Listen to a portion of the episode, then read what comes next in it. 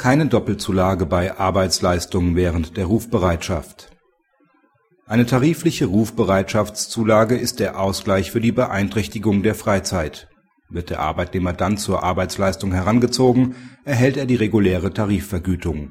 Ohne ausdrückliche Regelung hat der Arbeitnehmer keinen zusätzlichen Anspruch auf die Rufbereitschaftszulage. Die Arbeitgeberin ist ein großes deutsches Eisenbahnunternehmen der Arbeitnehmer ist im Rahmen seiner Tätigkeit für die Arbeitgeberin auch zur Ableistung von Rufbereitschaft verpflichtet. Auf das Arbeitsverhältnis findet der Zulagentarifvertrag ZTV Anwendung.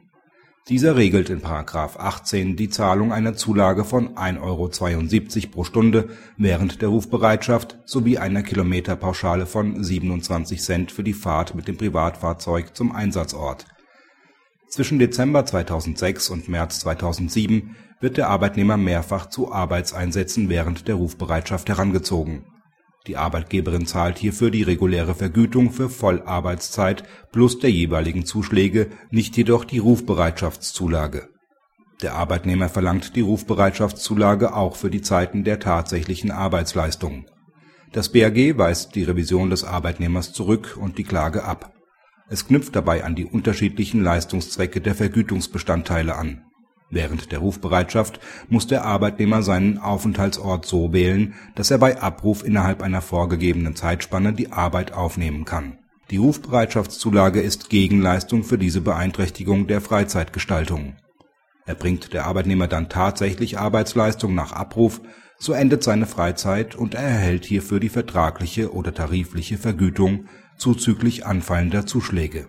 Die so geleistete Vergütung ist Gegenleistung für die erbrachte Arbeit Normalvergütung und Rufbereitschaftszulage verfolgen also unterschiedliche Leistungszwecke. Soll die Rufbereitschaftszulage neben der Vergütung für Vollarbeit gezahlt werden, bedarf es daher einer ausdrücklichen Regelung. § 18 des ZTV enthält eine solche jedoch nicht. Die Tarifnorm lässt sich auch nicht dahingehend auslegen. Kritik In einer früheren Entscheidung zu § 15 Absatz 4 b BAT hat das BAG anders entschieden die gegenteilige Entscheidung war allerdings im Wortlaut der BAT-Regelung angelegt (wird daneben gezahlt). Das vorliegende Urteil des BAG ist eine Entscheidung im Sinne der Tarifsicherheit. Eine Parallelleistung zweier Zulagen, die unterschiedliche Leistungszwecke verfolgen, kann und wird es nur dann geben, wenn der Tarifvertrag dies ausdrücklich vorsieht